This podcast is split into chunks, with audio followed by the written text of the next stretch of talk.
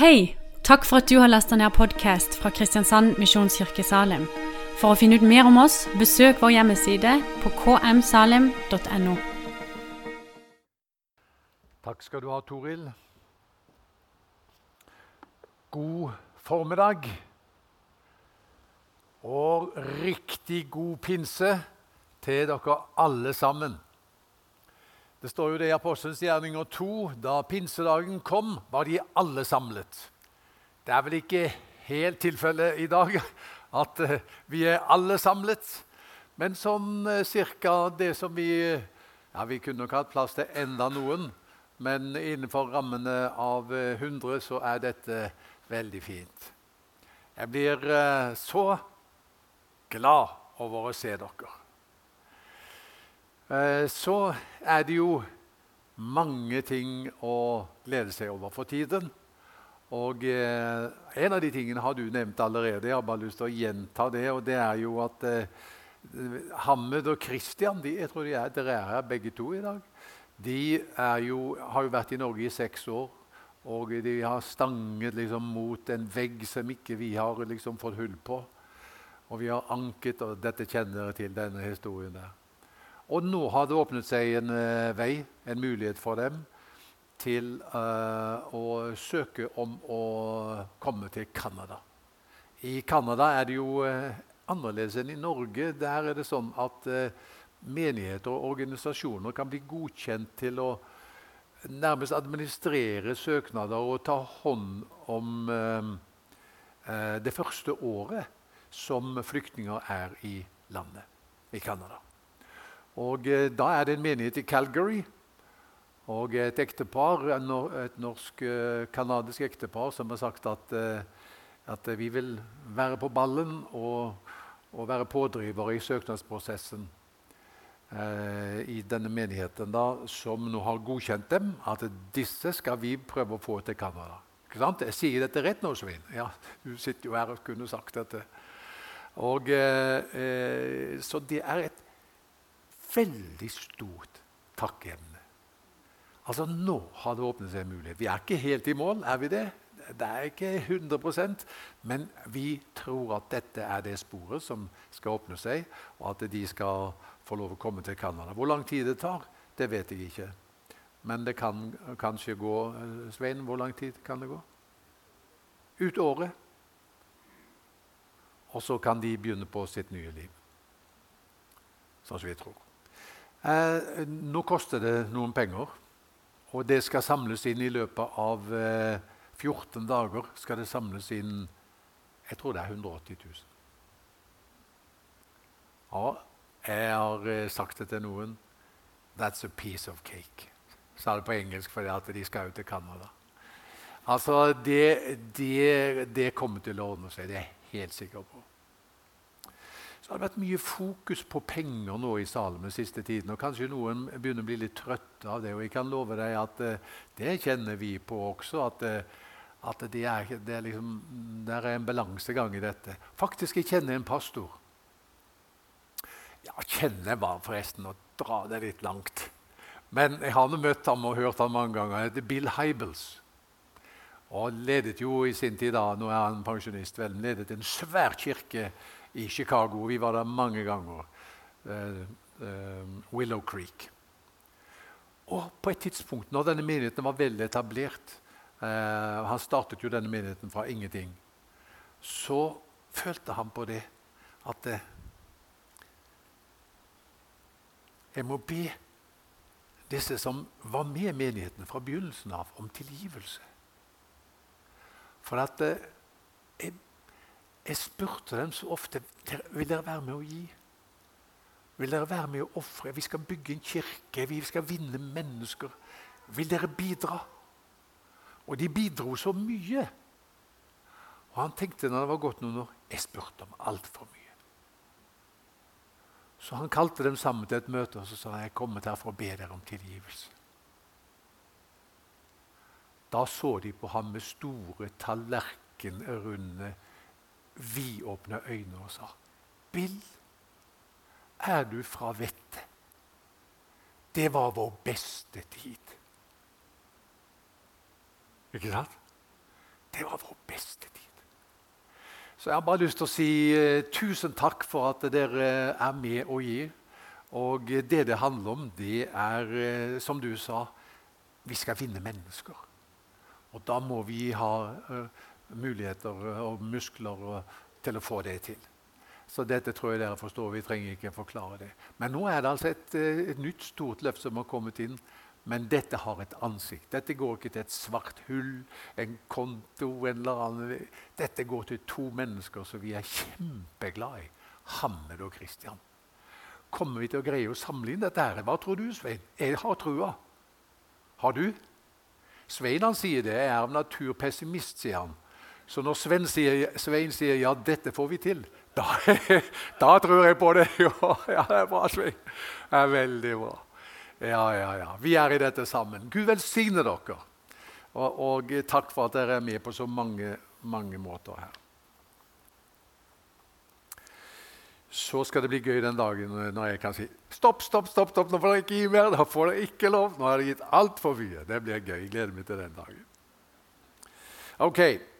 Det er eh, pinse og eh, første pinsedag i dag. Jeg tar av meg klokka for å passe litt på tida, se om det går bedre i dag enn jeg gjorde i går kveld. For da glemte jeg det ut selv om jeg tok av meg klokka.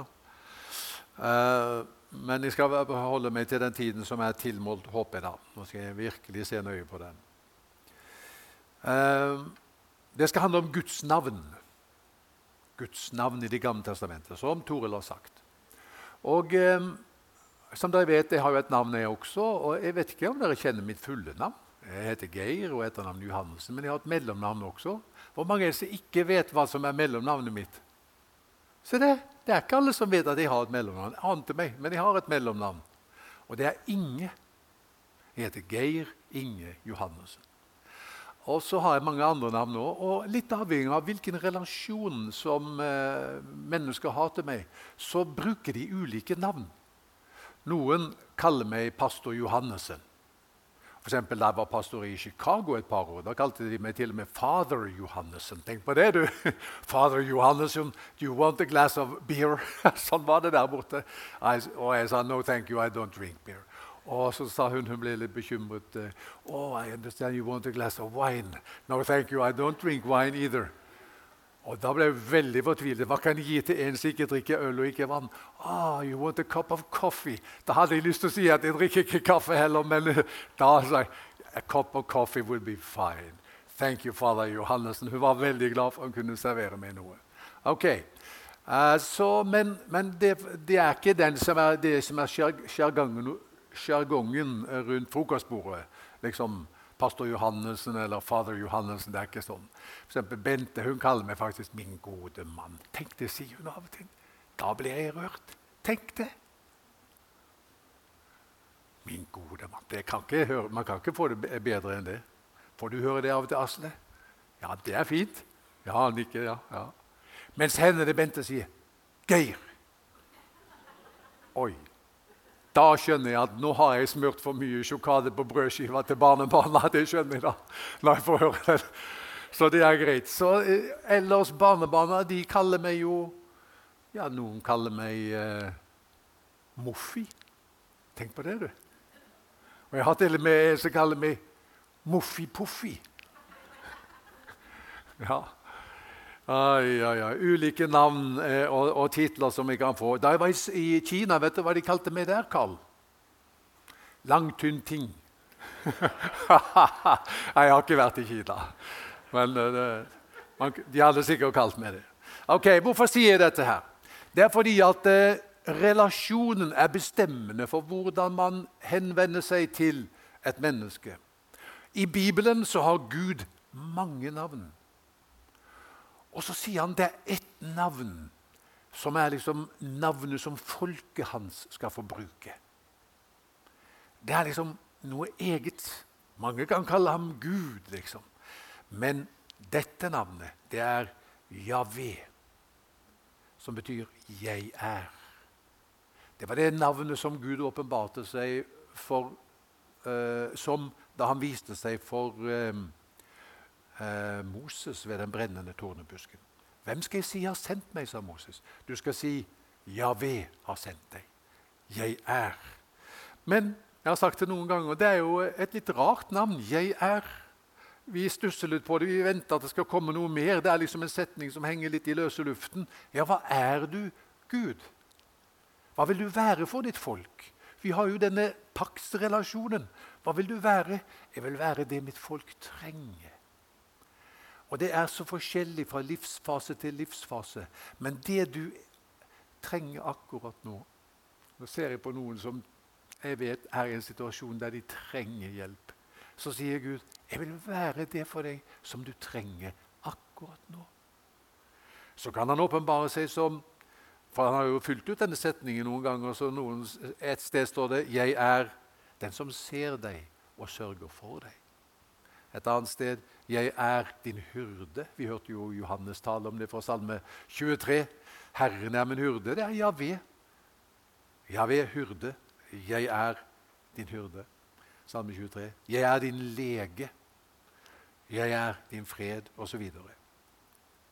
I dag så er det eh, dette navnet 'Herren er der'. og Vi har hentet det da. Det står et sted det står i eh, Esekiel kapittel 48 og siste delen av vers 35. Det er faktisk den siste setningen i Esekiel. Der står det sånn om det nye Jerusalem, som ellers beskrives mye mer i eh, Johannes' åpenbaring. Nå snakker vi om en ny himmel og en ny jord, og det nye Jerusalem kommer ned fra himmelen som en brud, pyntet for sin brudgom. Og Da står det sånn der Byens navn skal fra denne dag være Herren er der. For et vakkert navn. Javé, som er der. Jeg er den som er der. Hva er det som gjør himmelen til himmel? Gud er der. Og det er fraværet av Gud som gjør det mørkt. Men når Gud er til stede, da blir livet lyst. Og eh, en gang skal det bli sånn Herren er der. Men har, mitt første punkt er at eh, når vi i dag feirer pinse, så er det fordi pinsedag også handler om dette budskapet Herren er der. Det som vi skal oppleve en gang i fremtiden, det forteller pinse at det kan vi oppleve også her og nå når vi tror på Jesus og tar imot ham. De kristne eh, høytidene har jo eh, viktige budskap å formidle om den kristne troa. Og jul det forteller jo om at eh, Gud ble menneske at himmelen gjorde invasjon på jorden. Da Jesus sjekket inn i Betlehem, så var det fordi han var nå kommet for å jage ut okkupasjonsmakten, de som hadde okkupert Guds verden. Og det vi snakker om synd og djevel og død. Derfor feirer vi jul. Er, jul er fantastisk, uh, en fantastisk høytid, uh, høytid og et veldig viktig budskap. Påske feirer vi eh, til minne om at Kristus døde og sto opp igjen, og at han da beseiret våre fiender. Disse synden, døden, djevelen møtte sin overmann da Jesus døde og sto opp igjen. Og eh, Mange av dere har levd eh, lenge nok til å huske D-dagen. Jeg mener, Hvor mange har opp opplevd D-dagen i 1944? Få se. Det er mer enn min far som er her, som er 91 år. Anton, du levde også i 1944. Hvor gammel var du i 1944, Anton? Hæ? Fire år! Ja, ja, da fikk du det med deg. Og 17. mai 1945 husker du kanskje enda bedre, for da var du fem. Ja. Men D-dagen, hva var det? Det var jo det store vendepunktet i krigen. Og da visste vi De som levde lenger Nazi-Tyskland har tapt. Vi har vunnet. De alliertes invasjon på Normandie, det var vendepunktet. Det var ikke det siste slaget i krigen, og det var ikke da freden kom, men det var vendepunktet. Og eh, eh påsken, det er det dagen. Jesu døde oppstandelse, det er det dagen. Vi vet hvordan det skal ende. Lurer du på hvordan det skal ende? Det trenger du ikke lure på. Dette ender med en ny himmel og en ny jord. Sånn blir det. Så har vi Kristi himmelfart som eh, som forkynner budskapet om at Kristus for opp til himmelen. Og det var ikke begynnelsen på et guddommelig fravær, selv om vi kanskje kunne tenke det. Men som du sa, Toril, det er til gang for dere at jeg går bort. Så Da han for opp til himmelen, så var det innledningen eh, på et nærvær der Kristus kunne være tilgjengelig overalt. Og det er det som skjer eh, pinsen, når Ånden kommer. Så i Apostlenes gjerninger 2, når eh, det er pinsedag og Ånden kommer, så kan vi si om det kristne fellesskapet den gang Herren er der. Ja. Og hver kristen den gang eh, som opplevde dette her da i, i eh, Apostelens gjerninger 2, kan si, kunne si Herren er der i mitt liv òg. Ja, det var den gang, og så er det sånn i dag òg. Hva kan vi si om Guds menighet? Hva er det som skiller Guds menighet ut fra en hvilken som helst annen organisasjon? Herren er der. Hvor to eller tre er samlet i mitt navn. Der er jeg. Herren er der. Og det gjelder ditt liv òg. Herren er der. Da blir det forandring. Bent og meg vi bor i Svingen, vi. I nummer ni. Og eh, vi er jo eh, to jeg vet ikke, Er vi litt gamle? Nei, vi er ikke gamle, men vi, vi er litt på vei mot et eller annet. Og eh, det er så stilt og fredelig vet du, i svingen. Nå lurer naboene på hva har skjedd i svingen. De lurer veldig. Ute på gårdsplassen står et svært lekehus, sånn lekehytte. Måtte en en svær lastebil med kraner for å få den ned. Og trampolinen som har vært boltreplass for edderkopper. Nå får den kjørt seg. Nå er det barn på den hele tiden. Og ziplinen som har stått der og rusta. Nå er det fart i ziplinen. Og eh, på, ute på gresset er det en sånn airtrack. Vet du hva airtrack er? Nei? En airtrack det er en lang matte det, med, som er 10 cm høy. Og der turnes det. Der gjør du araber, flikkflakk, backflip på den. Og eh, hva mer kan vi si? Og innefra, eh, Det er lyder inne fra, fra, fra rommene overalt. Er, man hører blokkfløyte. Man hører gitarspill. Man hører trompet. Yes. Hva mer hører man, Marte Marie? Man hører lyden hyling og skriking. Saken er den. Saken er den. Og Naboene lurer på hva skjedde i svingen der de, disse to som holdt på å bli gamle, bodde. Hva skjedde? skjedd? Kristian og Marte Marie er der med sine tre barn. De bor hos oss. Og det merkes kolossalt godt når de er kommet dit. Det er ingenting som er som før. Nå skal de flytte til Gimlekollen i midten av juli, men det er en sånn mellomløsning der de bor hos oss. Vår sønn og svigerdatter og tre barnebarn. Så Poenget mitt er dette huset som var veldig stilt. Nå syder det av liv. Hva er det som er, har skjedd? Kristian og Marte Marie er der. Da er det ikke det samme. Og det, Poenget mitt da er hva skjer for en kristen og et menneske når det kan sies om det mennesket 'Herren er der'? Skjer det noe med det mennesket når man kan si 'Herren er der'? Ja, om det gjør. Leser dere VG, Dagblad, Fevennen? Fevennen, det er greit. Det er innafor. Men, men jeg, jeg, leser ikke de der to første bladene, men jeg har hørt at de eksisterer. Men eh, Kristiansund-keeperen Sean McDermott, 27 år gammel, fortalte nettopp etter at han hadde storspilt eh, for Kristiansund. da. Eh, det er vel i Eliteserien, er det? Kristiansund? Ja. Så han hadde slitt med psykiske problemer, men så gav han livet sitt til Jesus. Hør hva han sier. Det skjedde for omtrent 18 måneder siden. Det forandret livet mitt. Det hjalp meg psykisk og alt. Jeg har aldri følt meg bedre. Jeg lener meg 100% på Jesus, og da blir jeg sterkere enn når jeg står alene. Jeg har det bra. I gode og dårlige tider er han alltid med meg. Jeg hadde det litt dårlig med meg selv. Jeg fikk nok. Jeg sa, 'Jesus, jeg overgir meg til deg. Da skjedde det noe helt uforklarlig. Det var magisk. Det strømmet fred opp i kroppen. Da ga jeg meg hen til ham. Det jeg slet med, forsvant helt. Siden da har jeg aldri hatt det bedre i livet, sier denne Kristiansund-keeperen som storspilte for 14 dager siden. Jesus betydde en forskjell i livet hans. Nå er han tydelig på det at det er fortsatt gode og dårlige. ikke sant? Han, han har det elementet med. Han skjønner, ikke det at det er rull, han skjønner det at jeg ikke rullet ut en rød løper, og, og nå er det alle med problemer. Jeg skal komme tilbake til det. Men vi, men vi ser her er en som har opplevd at når Herren er der, da er det forandring. Det er glede, det er fred. Og det veksler litt mellom de sinnsstemningene. Jeg pleier å si det sånn, og jeg er glad i det uttrykket. Glede Du hørte meg i går, Lillian. Husker du hva jeg sa? Glede, det er fred som danser. Og fred, det er glede som hviler.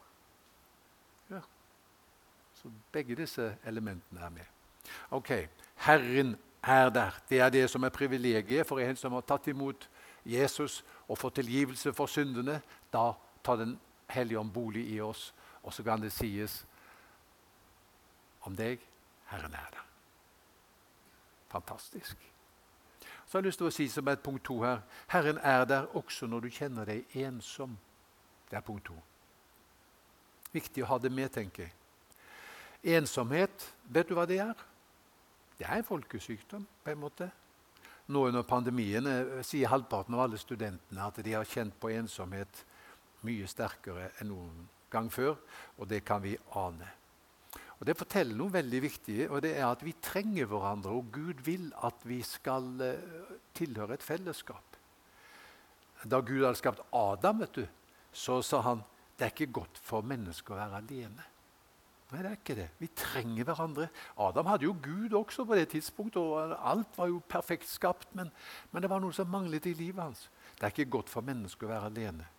Vi har skapt som sosiale skapninger. Så vi kan kjenne oss ensomme. Hør.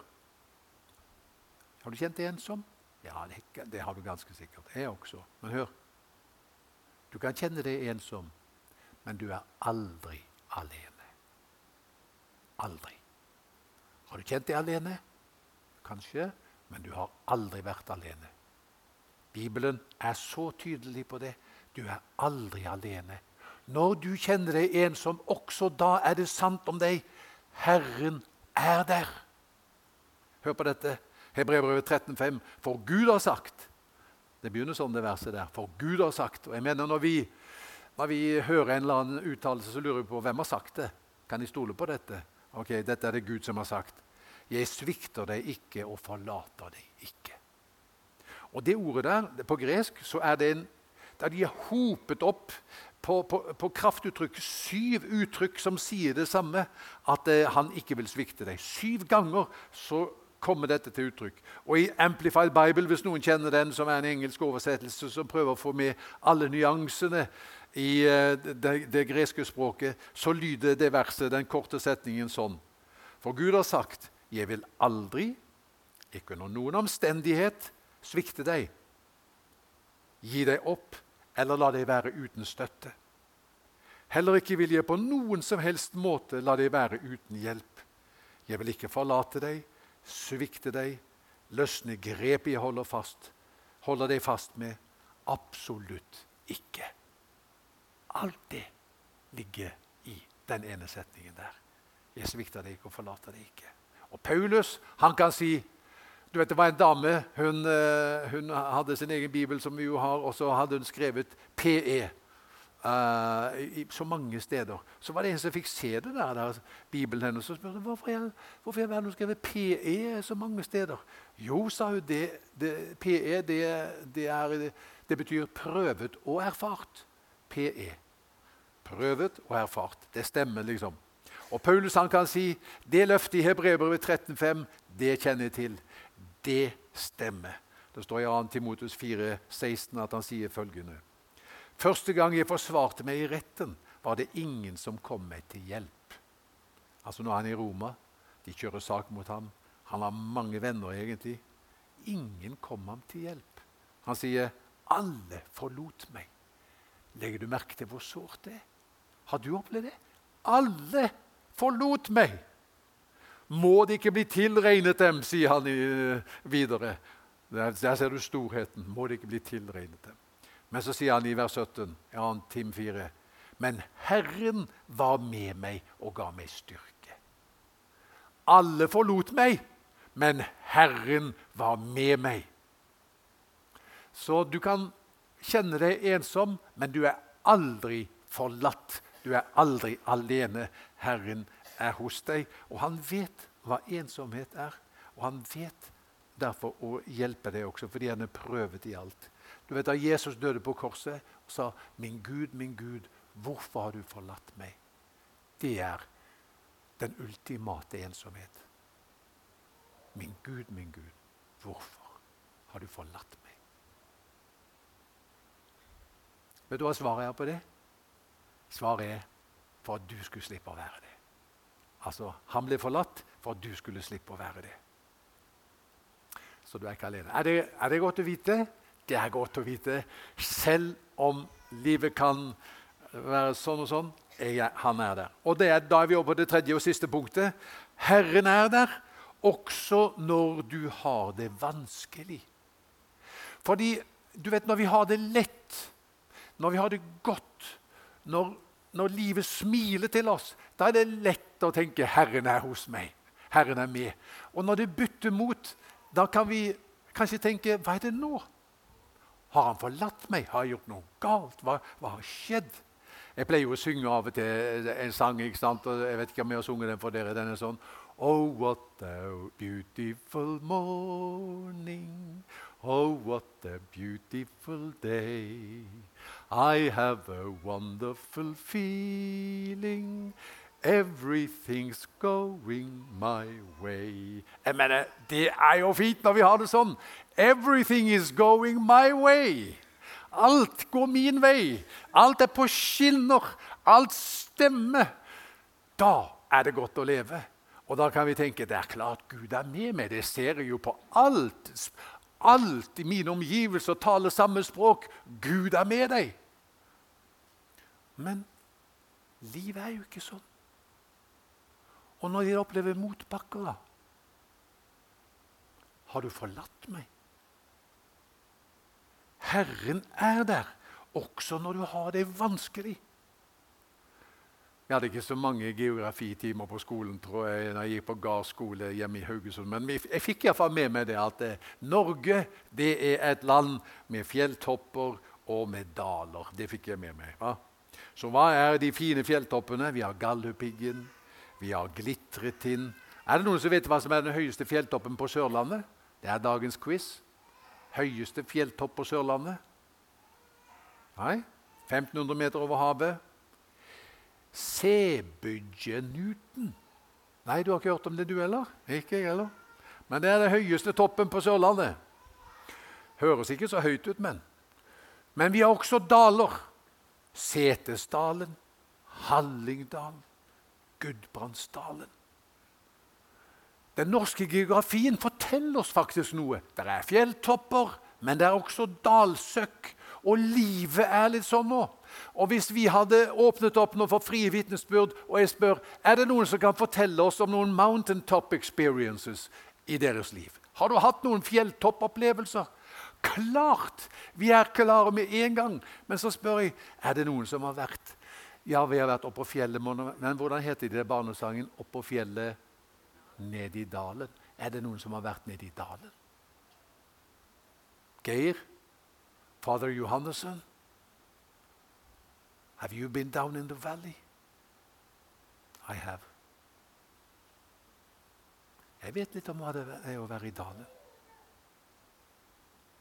Og det blir ekstra tungt å være i dalen hvis vi tolker det til å bety, som jeg sa, at nå er jeg alene i dalen. At jeg er forlatt. Men han er hos deg også da. Og Nå skal du få et par skriftsteder på det. Det ene er Daniels bok. Du vet, Der er jo situasjonen den at eh, Nebukadneser han ville eh, at alle skulle tilbe en gullstatue av ham.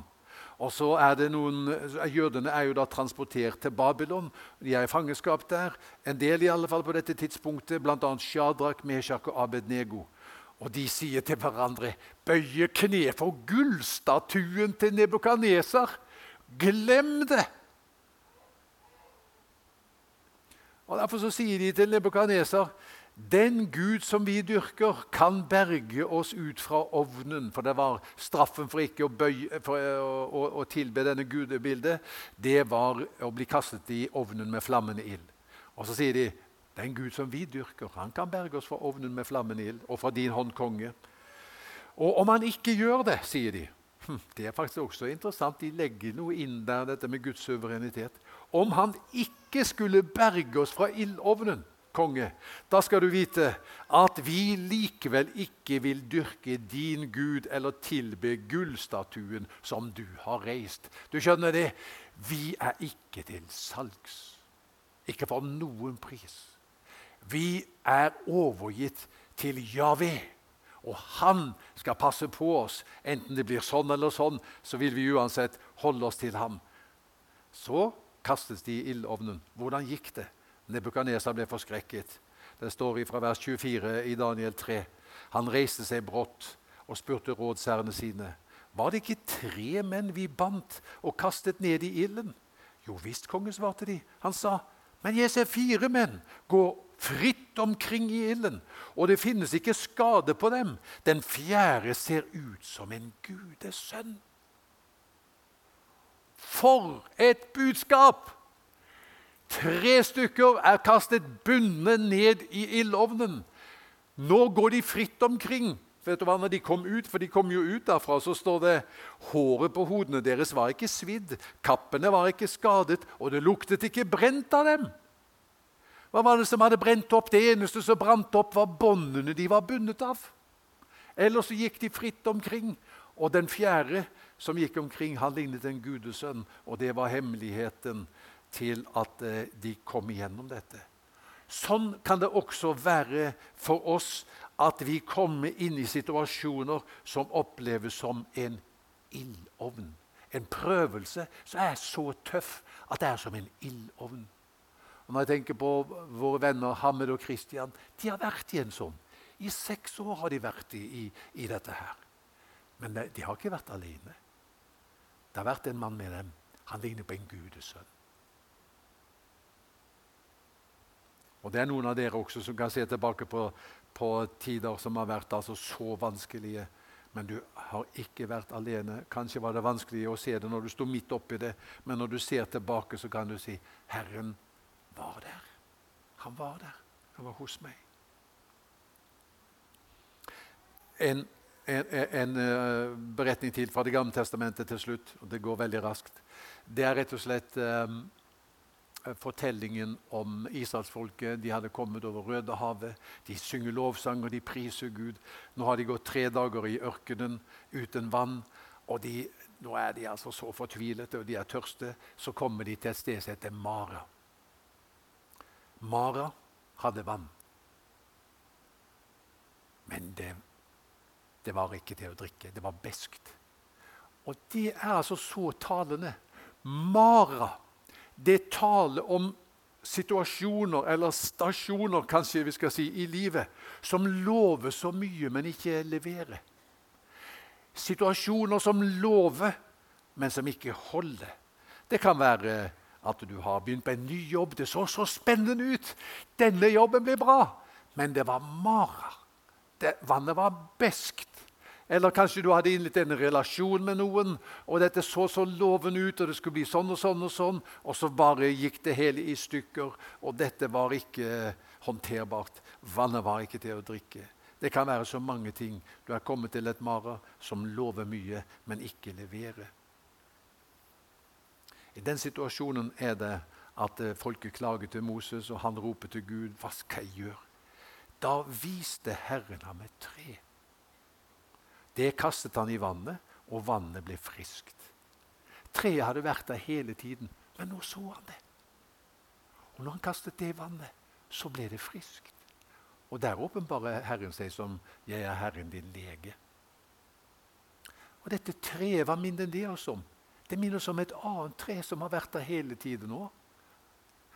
Han bar våre synder på sitt legeme opp på treet, sier Peter i 1. Peters brev. For at vi eh, skulle dø bort fra eh, syndene. Og så står det også der ved hans sår er dere blitt lekt. Så treet er der. Også for oss. Er du ved et mara nå? Nå har jeg allerede sunget for dere, så jeg skal ikke synge denne sangen. Men jeg kan huske en av de første sangene jeg lærte. Jeg begynte på et team som het Evangelieteamet. Det var ikke akkurat uh, sånn som dere må innrømme, men vi var veldig frimodige. For vi sang. Men vi var i evangelietimen, da sang vi en sang som heter sånn. I refrenget. Någonstans Det var på svensk. det var det, Dere liker å synge på engelsk, hørte jeg i går. Men det kuleste vi kunne synge i min ungdom, det var på svensk. Hvis du virkelig hadde salvelsen, da sang du på svensk. Og så sang vi Hør. Någonstans blant alle skuggorna står Jesus. For å hjelpe deg i nøden er han der. Ser du etter, vil du finne at der står han for å lette alle byrder som du bærer. Treet som brakte legedom til de som var i mara. Det minner oss om Han som et eller annet sted blant alle skyggene som livet har kastet over deg, er der også nå og vil bringe legedom til deg. Så ikke fortvil. Herren er der. Han er hos deg. Så legg bare livet ditt tillitsfullt i hans hender, og han skal gjøre det bitre vannet så, bli, eh, så det kan bli friskt, og du kan drikke det. Overført betydning, da. Og hva skjer etterpå? Etter de har vært ved Mara, så kommer de til Elim. Hva er Elim? Å, det leverte. Der var det tolv kilder og 70 daddelpalmer. Altså, det var en oase som virkelig holdt hva den lovet. Og sånn er livet. Livet er sånn. Livet kan bringe oss til Mara. Livet bringer oss Det er ikke stopp, det er ikke endestasjonen Mara. Hva venter etter Mara? Da er det et Elim. Der er det velsignelser, der er det glede. Jeg har fortalt det før at jeg leste om en kar. Han hadde Han hadde du hva det betyr når jeg gjør dette? Hva tror du det betyr? Helt riktig. Det betyr at det nå skal jeg straks sette meg. Men jeg leste om en kar som, eh, som hadde som en motto for livet sitt eh, 'Dette vil ikke vare'. Hører jo litt jeg vet ikke, Hva syns du? Dette vil ikke vare. Uh, så hvis han hadde det veldig kjekt, da, så minnet han seg selv på det. Dette vil ikke vare. Og det var kanskje, litt depressivt. Nei, men han hadde, han, han, det var livsvisdom. Han skjønte Altså, la oss, la oss glede oss over dette øyeblikket. Nå er det godt. Vi er sammen som familie. Vi spiser god mat. Vi synger sammen. La oss glede oss over dette. Gud er god. Er ikke dette flott, det som vi får oppleve? liksom, ikke sant? Dette vil ikke vare, så derfor så tar vi til oss alt det som er godt i dette øyeblikket. Men så opplever han andre tider. Han opplever at livet er riktig vanskelig. Han føler seg ensom, forlatt. Vet du hva han sier til seg selv da? Dette vil ikke vare. Altså, dette vil gå over. Sånn er det jo. Det er ikke sånn at livet bare liksom låser seg fast i noe som er vanskelig. Eh, fordi etter Mara så kommer Elim. Jeg håper dette var til hjelp for deg. Det er Gud som sier til deg navnet mitt, så du skal få lov å bruke. For du, er, du tilhører mitt folk. Navnet mitt er 'Jeg er den som er der'. La oss be. Herre, vi priser deg fordi at du er den som er der. Takk at du er der når vi er samla som menighet. Vi gleder oss over dette øyeblikket.